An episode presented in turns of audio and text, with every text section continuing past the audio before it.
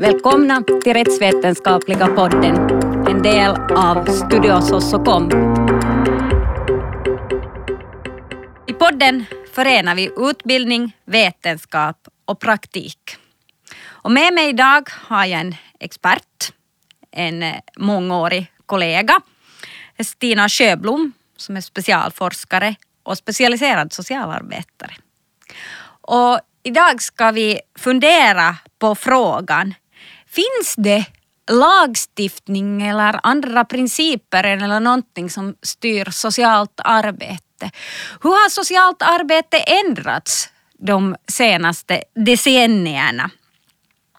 Vad, vad, vad menar vi när vi pratar om personalisering?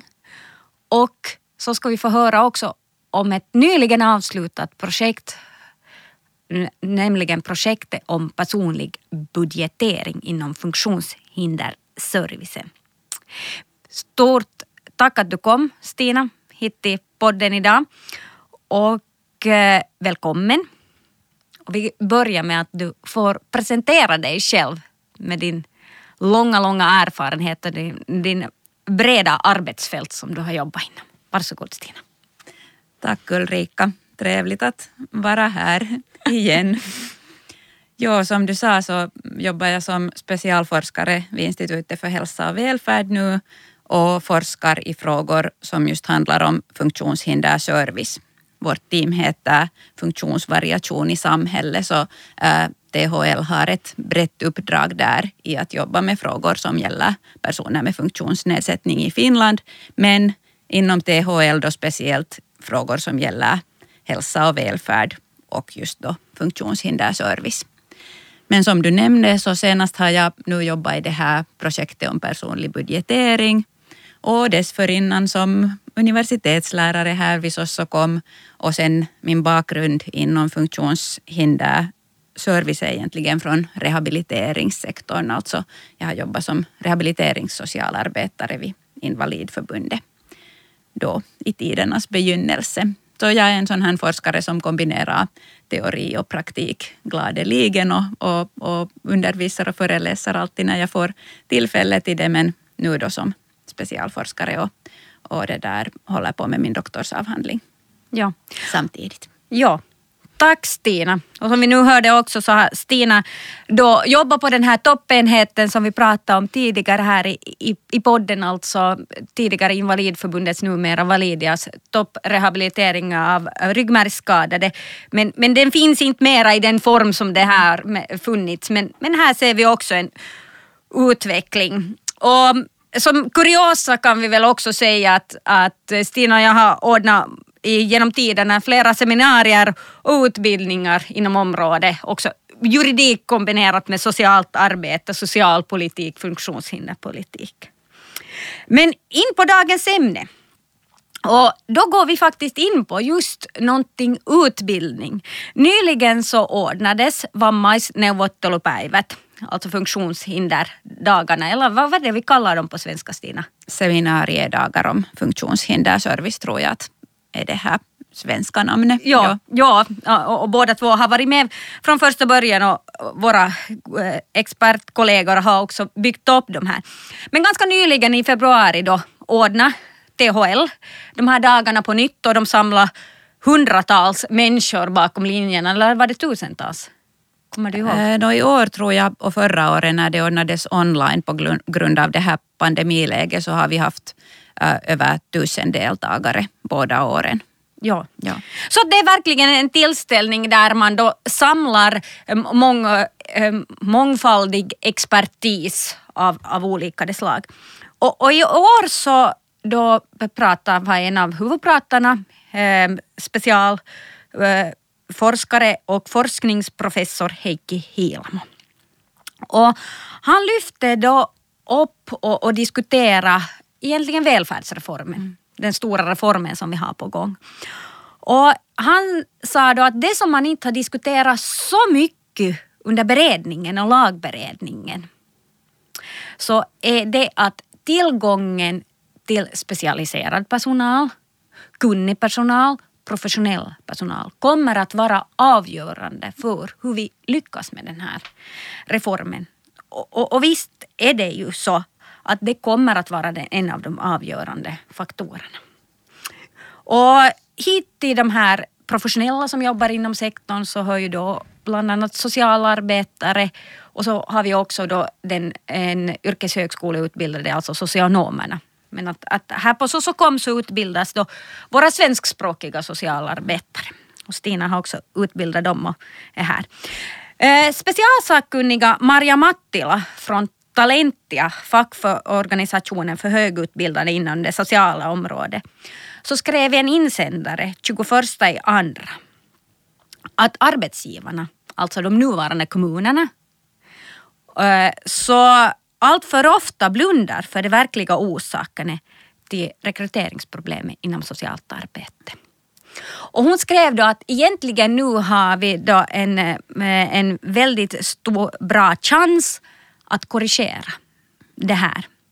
Och hon eh, skriver då i sin insändare att man den här resursbristen, den här personalbristen, så förklarar man oftast med att vi har för höga behörighetskrav enligt den här då. För att det är ju ett, Stina kommer komma in på det, att, att det är ett skyddat yrke det här socialt arbe, arbete.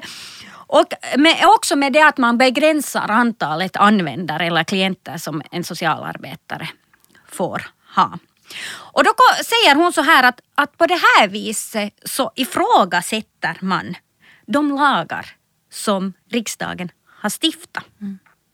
För att eh, säkra den här, säkerställa eh, användarsäkerheten på samma sätt som att vi har lagstiftning som säkerställer patientsäkerhet.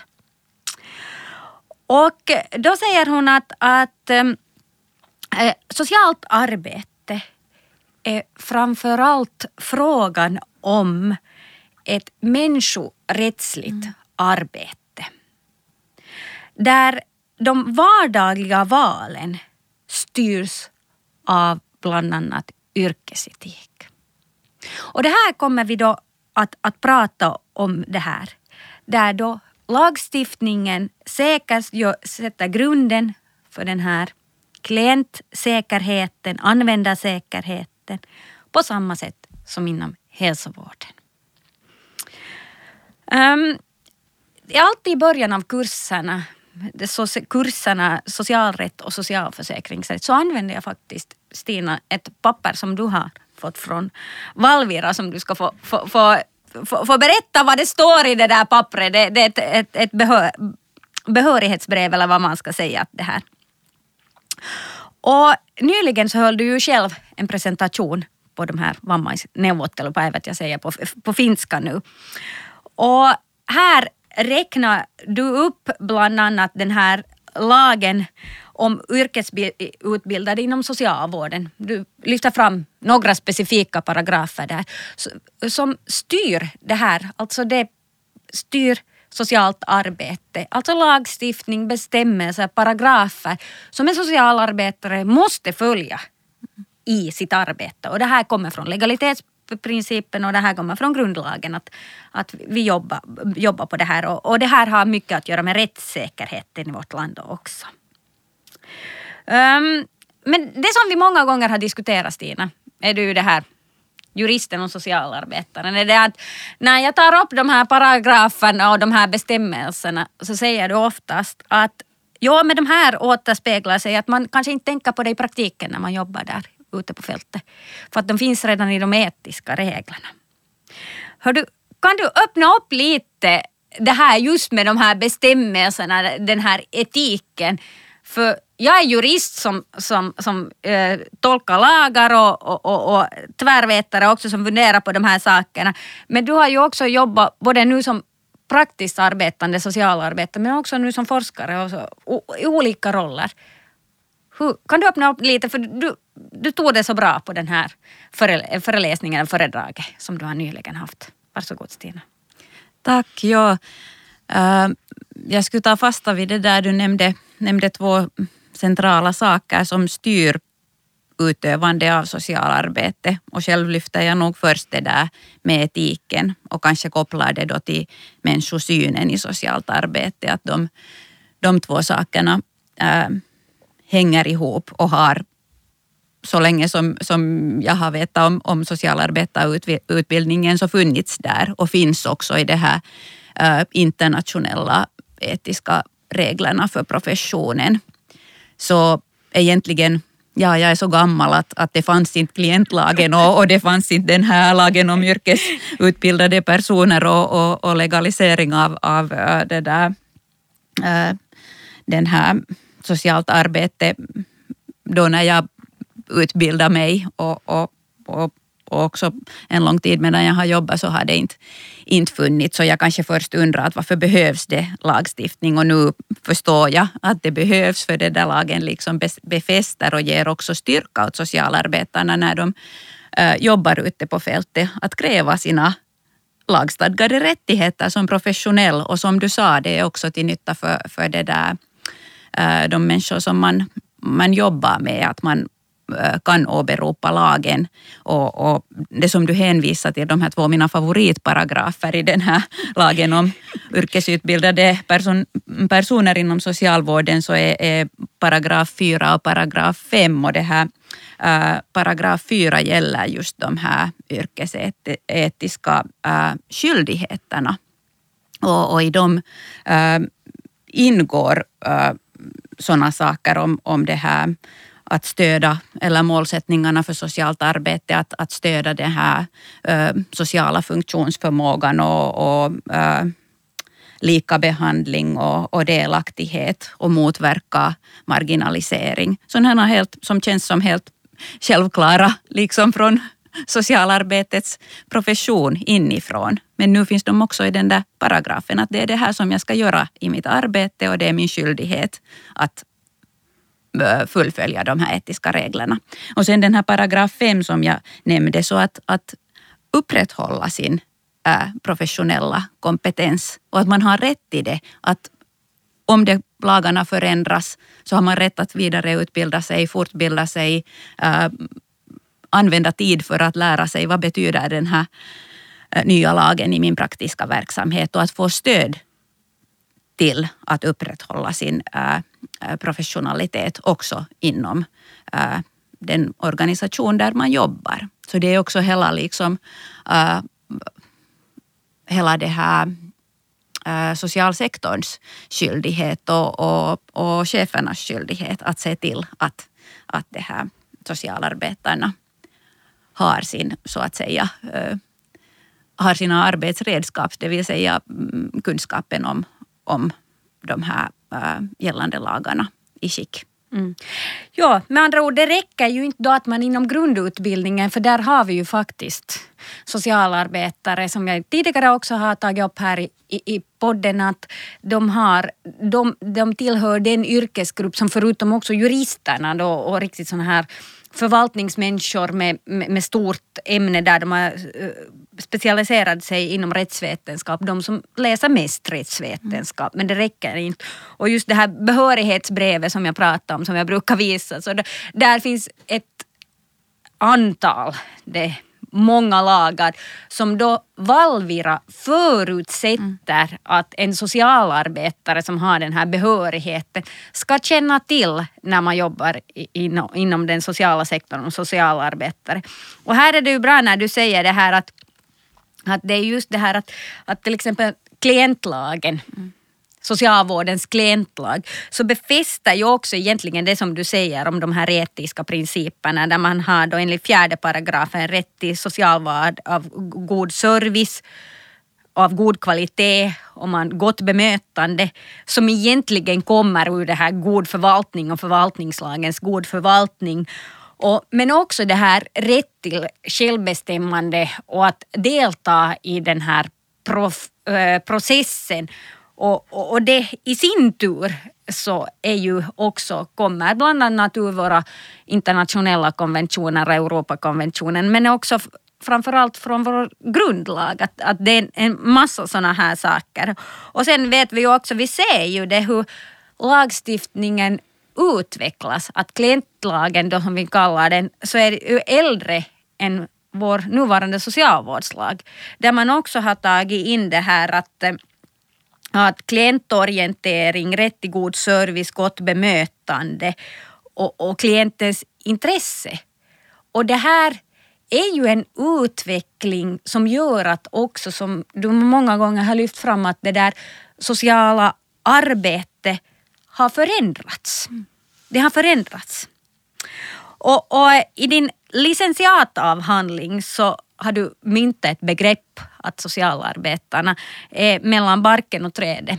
Och den här vet jag, den här har jag använt i mina, mina tidigare jobb och också just att, att det är inte alltid så lätt att vara den här socialarbetaren som har den här användaren där man har de här reglerna som man ska följa enligt de som vi har nu sagt, de etiska reglerna och socialvårdslagen, socialvårdsklientlag, medan vi också har en, en arbetsgivare och de arbetsrättsliga reglerna.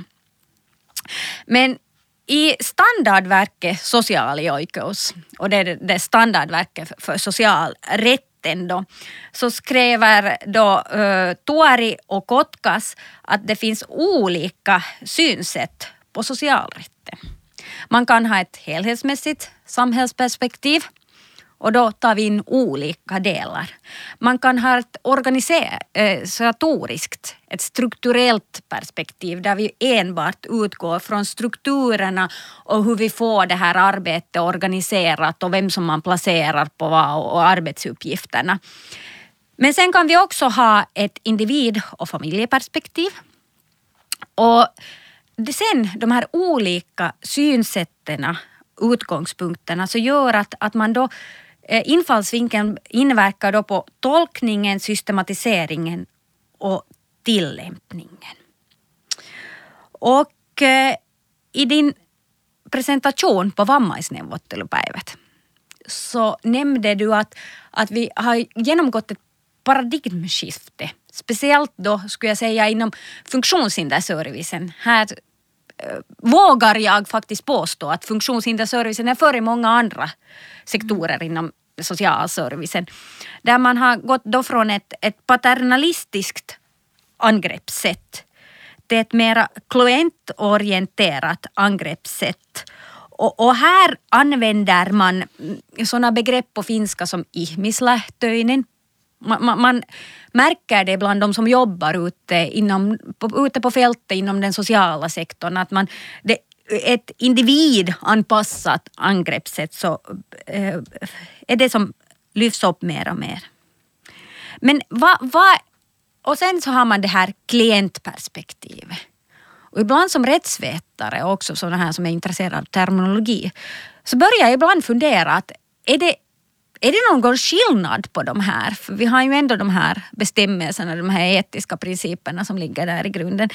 Pratar man är det det att, att man måste vet du, med begreppsanvändningen ändra på någonting eller handlar det om samma sak?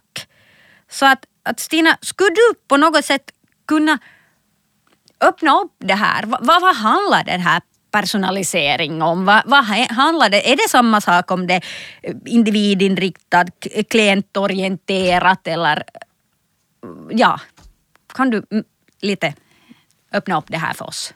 Jo, gärna. Eh, jag skulle ta några steg tillbaks i det som du, du tog upp och gå tillbaks faktiskt till det där citatet från min, min licentiatavhandling som skrevs för 15 år sedan kanske. Och, och då var det kanske början till det här nya på det sättet. Och det var faktiskt ett citat av socialarbetare direkt det där att de känner sig mellan äh, trädet och barke. Och mycket ny lagstiftning som du sa har, har äh, kommit in efter det inom det sociala området. Och det här, hela funktionshindersektorn har förändrats på grund av att det har kommit Äh, det här, till exempel konventionen om rättigheter för personer med funktionsnedsättning, där just delaktighet och självbestämmande och sådana äh, saker är helt äh, avgörande. Så, så jag skulle säga att från det där så att säga paternalistiska, om man, om man vill säga gammaldags synsättet, så, så det är inte så långt mellan det där paternalistiska och sen kanske sån där äh, byråkratiskt som är en del av socialarbetet, att man sköter det där byråkratiska jobbet, man fattar besluten och gör serviceplanerna och allt enligt, enligt äh, gällande rätt och, och, och, följer också de här nya lagarna. Men sen i socialarbete ingår liksom som närmande sätt och det kanske äh,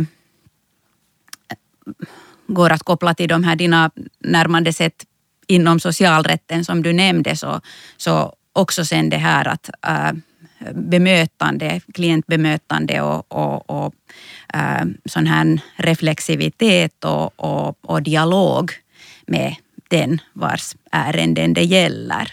Och sen igen den här tanken om dialog och, och äh, delaktighet så kommer väldigt nära varandra och kommer också nära det där att, att äh, försvara den människans rättigheter, alltså det här människorättsarbete som du, som du nämnde som är en del alltid av socialarbete och, och speciellt då när det är fråga om personer som, som av en eller annan orsak har svårt att själv hävda sin rätt så, så förstärks liksom den där socialarbetarens roll att också jobba med sån här äh, advocacy.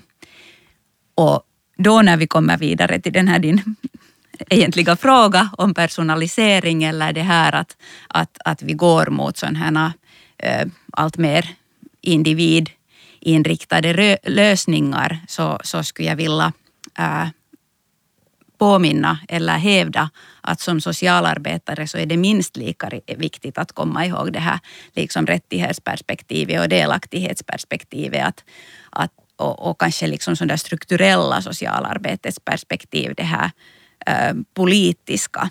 Att, att påverka också samhället så att det fungerar för alla och, och är tillgängligt för alla och, och, och det där att alla har möjlighet till delaktighet och lika rättigheter. Och sen när det gäller funktionshinderservice eller vilken annan service som helst som socialarbetare ska bedöma och, och, och planera tillsammans med, med klienten att, att det där vad behöver hen och hur ska det ordnas? Så, så då kommer man in på det där att vilket är just ditt individuella behov och där kanske man går liksom mera och mera in mot det att försöka hitta äh, allt mer personaliserade eller, eller äh, individbaserade lösningar.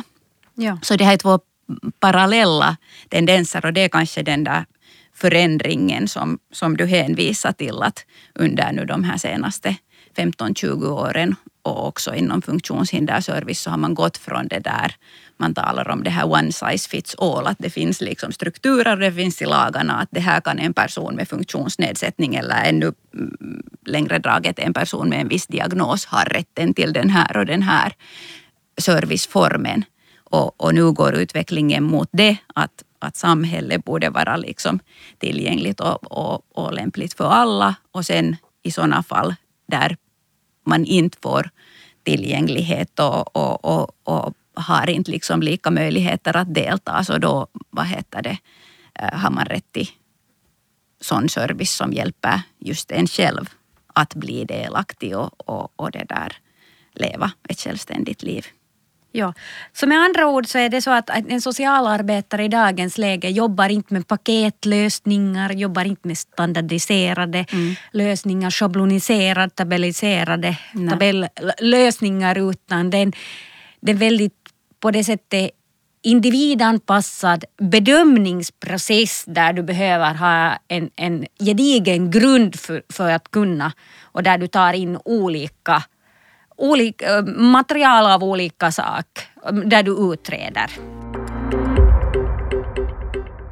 Ja, ja, och också utövar offentlig makt. Att det här sen kommer tillbaka till det där att, att hur man, vad är det som styr arbetet så, så, så mm, det är lagen och det är etiken och när man fattar beslut så utövar man makt och då är det just speciellt viktigt att hur man gör det. Det har Anna Metteri bland annat skrivit mycket om att, att man har en, en sån position äh, i det här sociala välfärdssystemet som är, är, är det där innehåller mycket maktutövning och, och, och då är det väldigt viktigt hur man utövar den där makten och just då om man nu tänker på funktionshinderservice, så, så att man gör det äh, tillsammans med den vars, vars det där liv och, och mm, service det är frågan om.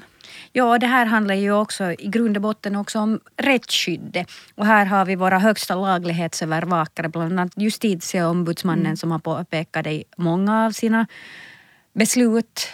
Och Eh, har då lyft fram hur viktig den här service och beslutsprocessen är.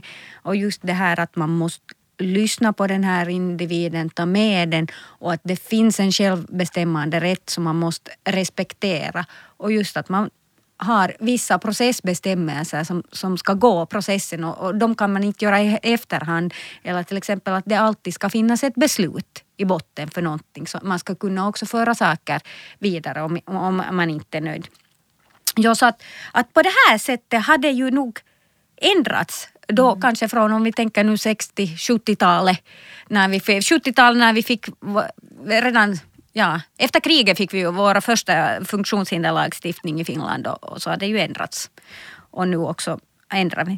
Eh, när vi kommer till självbestämmanderätten så finns det som jag sa då stöd, hittar vi stöd för det i, i både grundlagen och internationella konventioner men också i, i socialvårdslagen och socialvårdens klientlag. Och, och då det här deltagandet, det har vi pratat om att det accentueras mer och mer. Nu har vi pratat om paradigmskifte inom funktionshinderservicen. Och, och, det har skett en tid och, och vi har båda två som experter varit, varit med och följt med den här. Det som har kommit de senaste åren, mm. skulle jag säga. Jag, vet, jag kan inte exakt säga år, men det börjar nog till exempel med, med eh, skandalerna inom äldreservicen. Det börjar också med att, att vi inom eh, människorättscentret vid riksdagen alltså vårt människorättscenter, nationella människorättscenter, fick eh, experter inom äldrerätt, äldreservice och helt nyligen har vi ju fått en äldreombudsman mm. till Finland. En helt nytillsatt. Att man, man, man konstaterar då att precis som på samma sätt som man har en barnombudsman så behöver man numera en äldreombudsman och vi har ju en växande då äldre befolkning. Och nu när jag tänker på det här så, så gör ju det här också och när man följer med i diskussionen inom äldreservicen så är det ju faktiskt ett enormt arbetsområde. Så börjar de här tankarna också komma fram och det lyfts fram och den, de styrs också av samma bestämmelser. Här undrar jag Stina, att behöver man uppfinna hjulet på nytt inom äldreservicen? Eller kan man också ta del av, använda sig av det som man redan har utvecklat inom funktionshinderservicen och framför allt inte upprepa misstag, onödiga. Det, det blir också en sådär, om vi tar med den här effektivitetstanken så blir det ju ineffektivt att upprepa de här misstagen. Hur ser du på saken? Kan man på något sätt, vet du, inom det sociala arbetet mm. ta modell? No, jo, en, en sak som jag direkt kommer att tänka på där man kan ta modell och som överhuvudtaget i socialt arbete nu när strukturerna förändras och, och, och det där såklart mm, befolkningen åldras och allt det här som, som, som vi vet att det är de här både liksom megatrenderna som pågår i samhället och sen de här nationella liksom förändringarna i strukturerna som, som pågår nu i och med de här nya välfärdsområdena och, och, och allt det här. Så, så, så det som jag skulle önska att förstärks är det här strukturella socialarbetet och vad strukturella socialarbete kan lära sig från funktionshindersektorn, inte kanske nödvändigtvis från funktionshinderservice, är den här funktionshinderpolitiska eh, principen om att, att planera samhället och planera tjänsterna så att de eh, passar för alla. Och, och själv när jag jobbar med uppföljningen av funktionshinder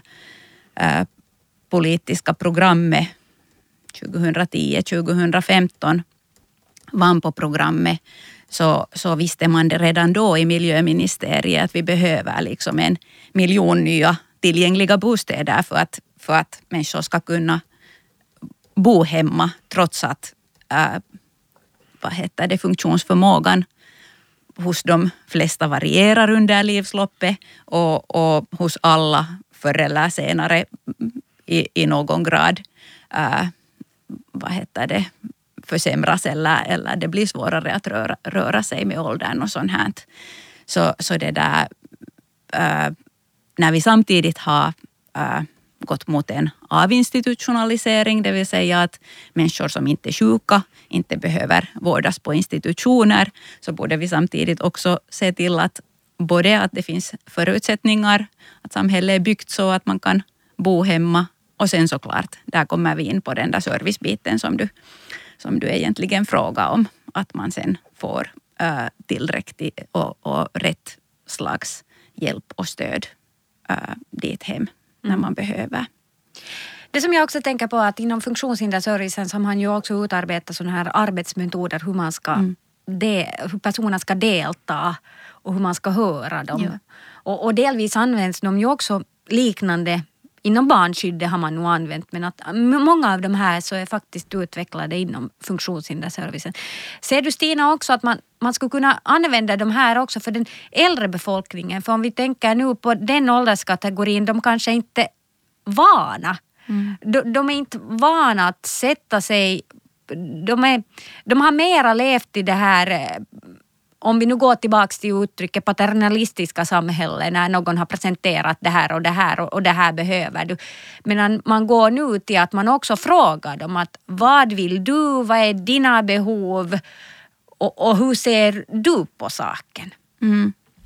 Jo, jo, såklart det där delaktigheten i de där egna processerna, att bli, bli hörd och medtagen från början till slut när, när det eh, bedöms behov och, och planeras service. Så, så det gäller lika väl oberoende av, av ålder eller, eller vilket behov det handlar om. Men kanske igen, när du frågar om vad man kan lära sig från, från funktionshinderrörelsen eller, eller funktionshinderservice, så, så det här, mm, de här olika råden, det finns brukarråd och det finns, finns liksom, och, och, det ska finnas nu i de här nya välfärdsområdena, eh, vad heter det, eh, möjligheter till hörande av olika klientgrupper. Så, så olika sätt att, att det där få med då olika klientgrupper i, i beslutsfattande. Så det är nog välkommet och det, det vet jag att, att det jobbas med ute i regionerna och där är organisationerna, alltså äh, brukarorganisationerna helt i, i nyckelposition att engagera folk. Ja, och, du har många gånger nu nämnt strukturellt socialt arbete och, och om vi öppnar upp det lite och du har förklarat att det handlar om att man jobbar med den här socialpolitiken, den här samhällspolitiken, hur vi implementerar saker, hur vi planerar saker i samhället. Och, det slår mig också eh, att en socialarbetare är inte den där som man kanske traditionellt upplever bara jobbar då in på det där socialservicekontoret mm. och, och hemma hos de här personerna går hem utan en, en socialarbetare är också en person, en expert som man skulle behöva ta med i stadsplaneringen. Hur gör man det tillgängligt? För har man ett tillgängligt samhälle så minskar det också på behovet av service. Har man en tillgänglig kollektivtrafik så kan äldre röra sig mera. Personer med funktionsnedsättning kan röra sig och barnfamiljer med sina barnvagnar kan röra sig mera. Så att, att, att behovet av service. Så det handlar ju också kanske om de om jag uppfattar dig rätt Stina, att en socialarbetare borde också med sin expertis, det där strukturella socialt arbete, tas med just i stadsplaneringen också när vi funderar på småbarnspedagogikens utrymmen och hur man verksamhetssätter också skola. Mm. Alla de här grejerna att, att om man inte tar med så kanske man missar någonting i hela den här processen.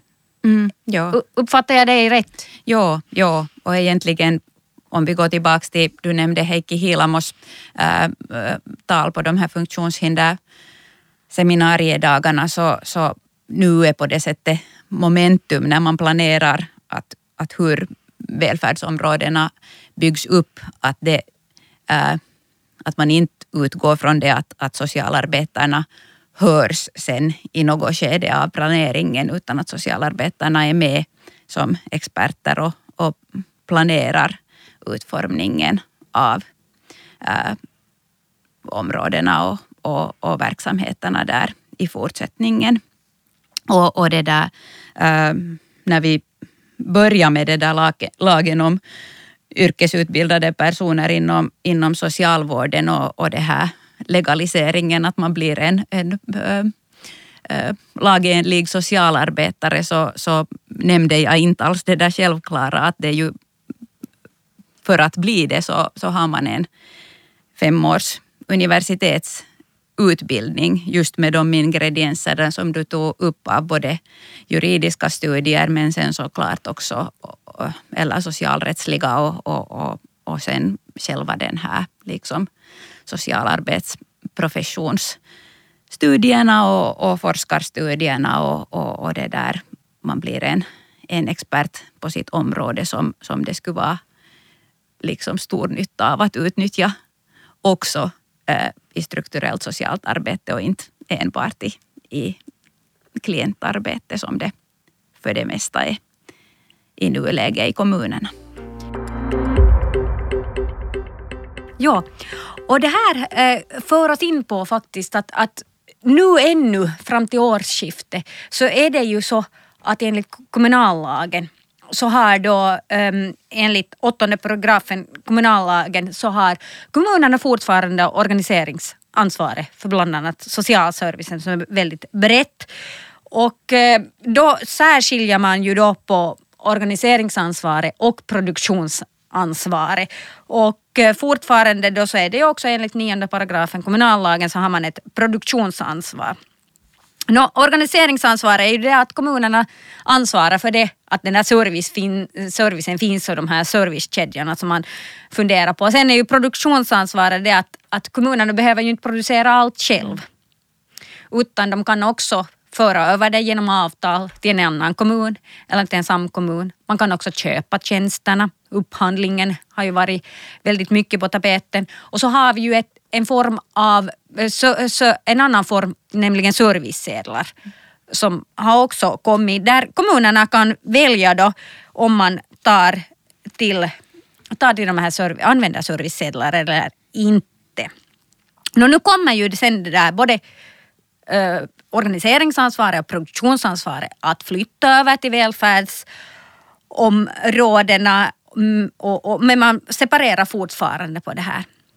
Eh, så här, både i Finland, vi hade också i en tidigare process i välfärdsreformen en hel lag om valfrihet, men, men, men den finns inte med nu mera. Den, den, den drog man streck över, och, men ändå har valfriheten nog inom social hälso och sjukvården ökat de, de senaste åren. Och helt nyligen har ni avslutat ett projekt på THL som handlar om personlig budget inom funktionshinderservicen, då, inom funktionshinderområdet. Det har också funnits tidigare också projekt inom andra sektorer med personlig budget. Och det här var ju en, en beställning av regeringen, att ni skulle då komma fram med något förslag. Och eh, jag kommer ännu ihåg när man första gången kom att presentera personlig budget i Finland. Jag kan erkänna att i dagens läge ser jag helt annorlunda på personlig budget än vad jag gjorde då. Ehm, jag var också ifrågasatte, för man tog någonting från ett en helt um, samhälle med andra strukturer, med andra lagstiftningar. Man tog man en modell och så sa man att det här ska vi ha i Finland. Varpå jag också ifrågasatte då, som specialiserad jurist inom området. Hur, hur hade ni tänkt er det här? Men i alla fall, ni har då jobbat med det här flera år och det här projektet och ni har fått det här uppdraget då på THL av regeringen. Men vad handlar egentligen personlig budget om? Och, och varför överhuvudtaget, finns det någon bakgrund till att man överhuvudtaget börjar ta in sådana här saker? Och vad handlar det om? Handlar det om organisering eller produktion eller ja, du får öppna upp lite. Vad är personlig budget, Stina? no, ja, helt... Äh, om, om vi börjar med det att varför, varför tar man in så, så som du nämnde så det har funnits tidigare äh, försök och sådana, mm, det fanns ett mm, EU-finansierat projekt under tiden som den här valfrihetslagen förbereddes avainkansalaisuuteen hette det och där, där försökte man just som du sa inom olika sektorer att hur skulle det här kunna fungera i Finland med personlig budget. Men i och med att den där valfrihetslagen föll och det här tidigare projektet tog, tog slut så, så blev det liksom därhen.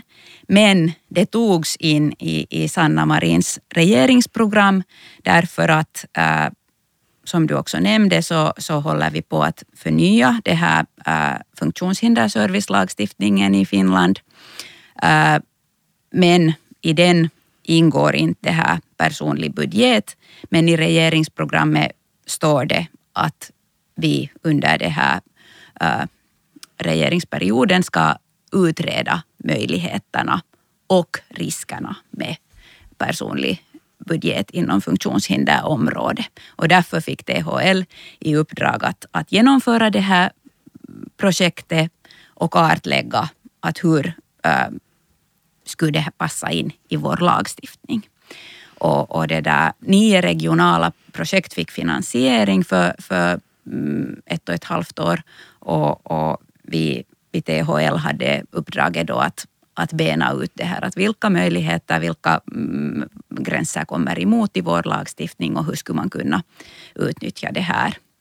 Och, och då eh, är ju hör det till saken att inom vissa områden i Finland så använder man redan eh, någonting sånt som personlig budget inom eh, funktionshinderservice. Och sen i Norden tolkar man att till exempel personlig assistans som äh, brukaren själv äh, vad heter det, ansvarar för, eh, så, så det där är en personlig budget. Så, så nu märker du att, att eh, det finns inte en entydig eh, definition på vad som avses med personlig budget och därför jobbar vi också hårt med att, att vad heter det, definiera att vad, be, vad betyder personlig budget eller vad föreslår vi att personlig budget skulle betyda inom funktionshinderservice i, i Finland. Och det var då slutresultatet av vårt projekt att vi, vi eh, kom ut med en sån här modell för personlig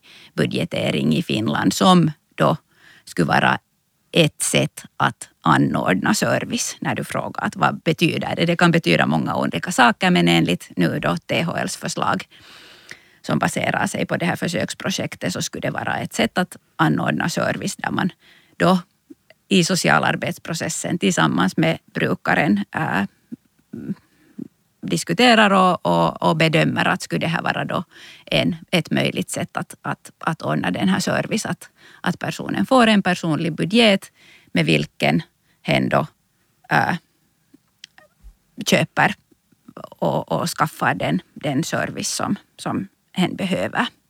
Och enligt det här förslaget som, som eh, THL tog fram, eller den här finska modellen, så, så det där, skulle man kunna i princip använda den till vilken äh, slags service som helst som personen som är klient i funktionshinderservice behöver.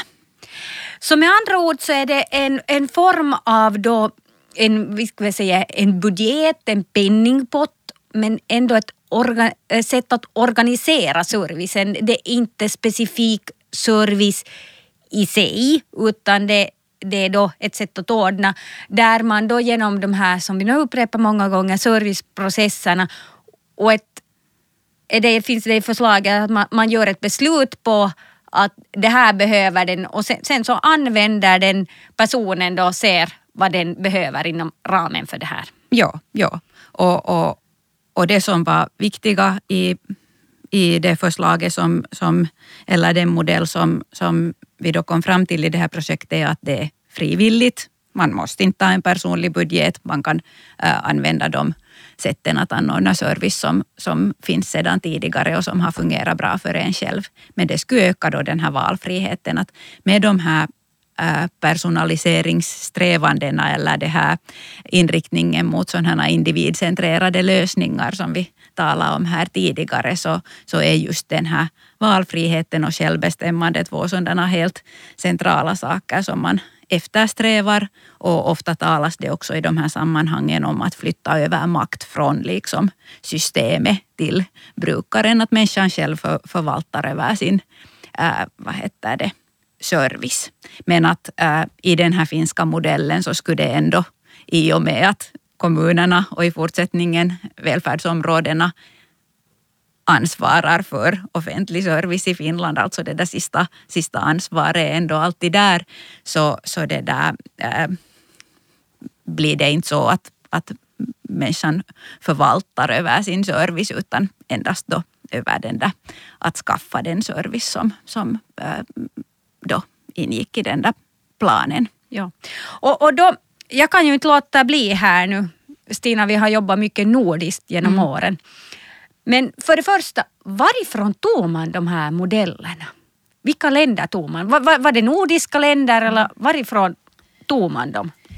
No, när projektet började, eller egentligen innan det började, när det planerades, så, så gjorde vi vid THL äh, informationssökning och, och, och äh, idén om personlig budget äh, liksom äh, idén om personlig assistans så är ju ursprungligen nog hithämtade från, från annan slags välfärdsmodeller, anglosaxiska.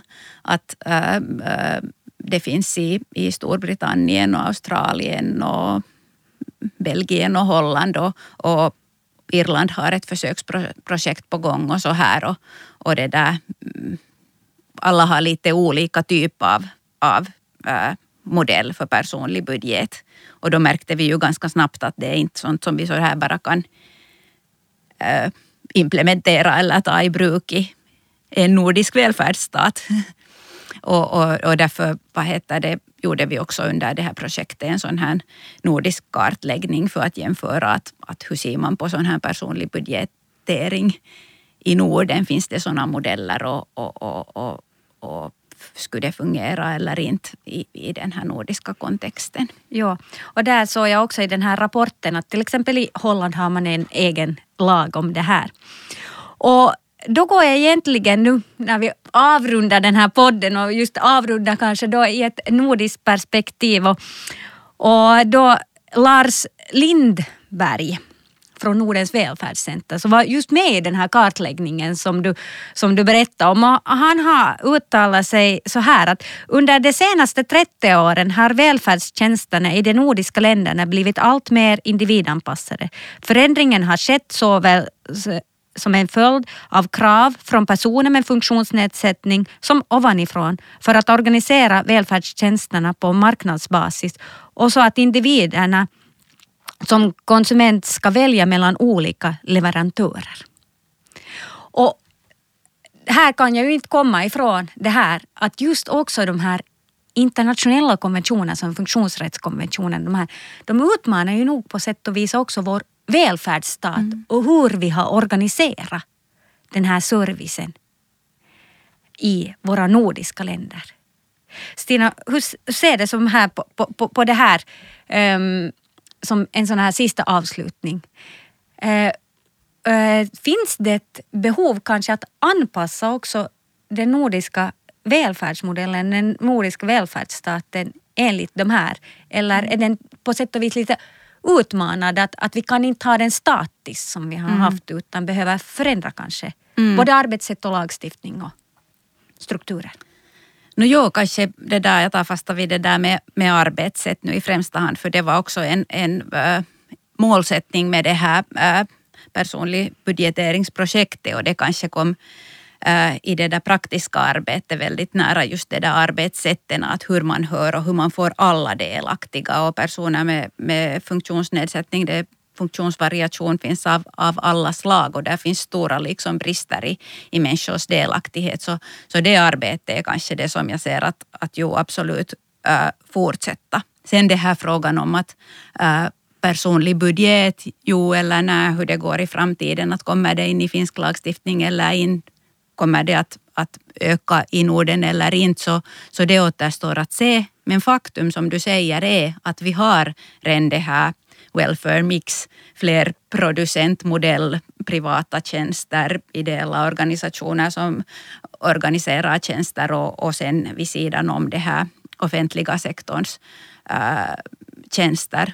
Och det är någonting som behöver äh, forskas i och följas upp. Att hur, på vilket sätt liksom utmanar den här, dels den här personaliseringen, vår välfärdsstat, men sen i den här äh, äh personaliseringstrenden äh, så, så ingår den här marknadiseringen och, och kanske sen liksom de här också kraven från, från äh, marknadssektorn på offentliga sektorn. Det här New Public Management och, och, och, och New Public Governance. Äh, tänkande att, att hur ska allt göras så effektivt som möjligt. Och då är det egentligen två liksom lite olika om vi går tillbaka till det där med människosyn och vad man eftersträvar fast i socialt arbete och i, i, i från funktionshinderrörelsens sida så är det nu effektivitet eller är det ett gott liv? Och, och, och det där, liksom då när man balanserar dem, att på vilka sätt äh, möjliggör nordiska välfärdsstaten och, och, och, och, starka rättigheter som ingår i våra välfärdsmodeller. Äh, på vilka sätt garanterar och möjliggör de ett gott liv för alla jämfört med sen att, att det där var individanpassade äh, lösningar kan, kan äh, tillföra där men utan att sen äh, förlora den där liksom starka grunden som våra samhällen ändå är, är byggda på och för vilken skull äh, ändå sådana äh, funktionshinderrättigheter också äh, är på ganska god nivå i Norden, även om det alltid finns saker som kan vidareutvecklas och, och förbättras. Ja, och med det här avslutar vi och det gäller ju också, ska jag säga, äldreservicen och och, och familjeservicen och, det här att va, hur vill vi att det ska se ut? Eh, vad vill vi bevara men vad vill vi utveckla? Och det som vi kan som slutsats dra av det här är att för att vi ska lyckas med den stora välfärdsreformen, för att vi ska lyckas också här i samhället, så kommer vi att behöva olika experter, specialiserade socialarbetare, många olika som funderar tillsammans och där man tar tillvara varandras kompetens och lyssnar på varandra. Tack att du kom Stina idag. Följ gärna Studio och Rättsvetenskapliga podden. Tack för idag.